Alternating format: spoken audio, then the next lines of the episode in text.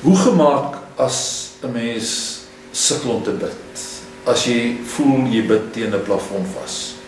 In die eerste plek moet mens altyd onthou, gebed is baie meer as 'n vaste ritueel. Daar's niks fout om om byvoorbeeld die Onse Vader te bid of dood eenvoudig in in in, in bekendes paar woorde te bid wat jou ma vir jou geleer het. Maar die belangrikste om te onthou is dat gebed is ten diepste 'n gesprek. 'n Gesprek met God en 'n gesprek van God met ons. En verseker kom daar in mense lewensreis, jou geloofsreis, kom daar seisoene, winterseisoene wat vir die diepste gelowige moeilik is om te bid, dat jy voel jy kom nie deur na God toe nie. My ervaring is dat mense seker tye as jy nie regtig kan bid en lankdurig kan bid nie, dat 'n mens ten minste die Bybel sal vat en die Bybel sal lees.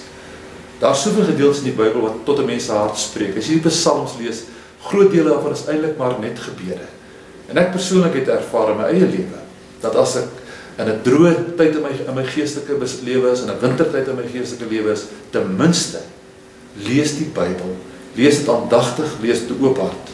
En jy mag uitvind dat God daar met jou praat. En so word die gesprek van vooraf weer hervat. Maar bo alles dis 'n spontane gesprek met God. Dit hoef nie lank te wees nie. Baie keer maak ons dringende nood na God dat ons gebede eintlik baie kort word. Soos die vroutjie wat op bloedvloei gelei wat uiteindelik net gesê het: "Here, help my."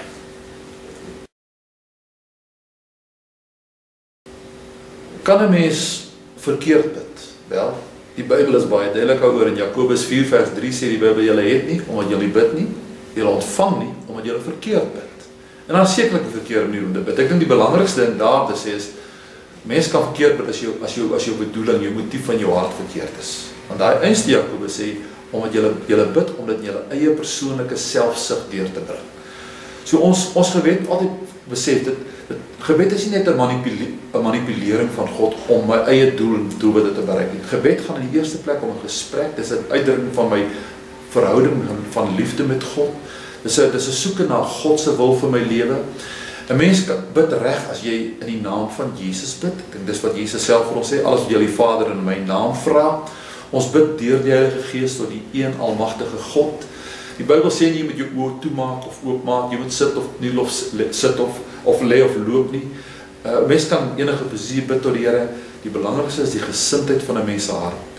Want God word nie in die eerste plek beïndruk deur die korrektheid van my woorde deur die lengte van my gebed nie, wanneer God kyk omdat hy gees is. Hy's nie 'n vleesgod wat soos 'n menslike vermaaklikheid ster beïndruk word deur ons vertoning wanneer ons bid nie. God kyk na my hart, my gees. Dis wat heel belangrik is. Daarom kon die mooi gebed van 'n fariseer wat gesê het vir die Here in die tempel, ek vas twee maal 'n week, ek gee my tiendes en ek doen nie al die lelike goed wat hierdie ouens doen, hierdie tollenaar hier langs my nie. Die Here sê daai ou het ongeregverdig uit die tempel gegaan, maar daai tollenaar wat nie eens wil opkyk hemel toe nie op sy bors gestaan en gesê Here wees my arme sondaar genadig. Die Bybel sê hy het geregverdig uitgegaan want God kyk na die hart. So egtheid, eerlikheid.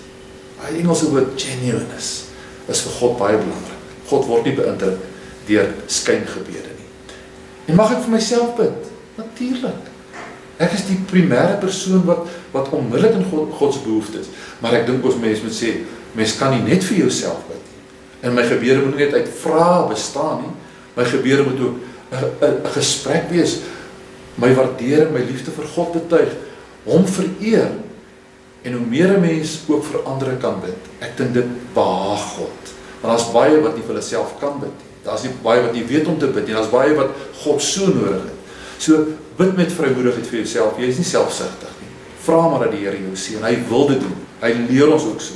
Selfs die onsse Vader waar Jesus vir ons voor gaan sê, gee my vandag of gee ons vandag ons daaglikse brood. Lei ons nie in versoeking nie.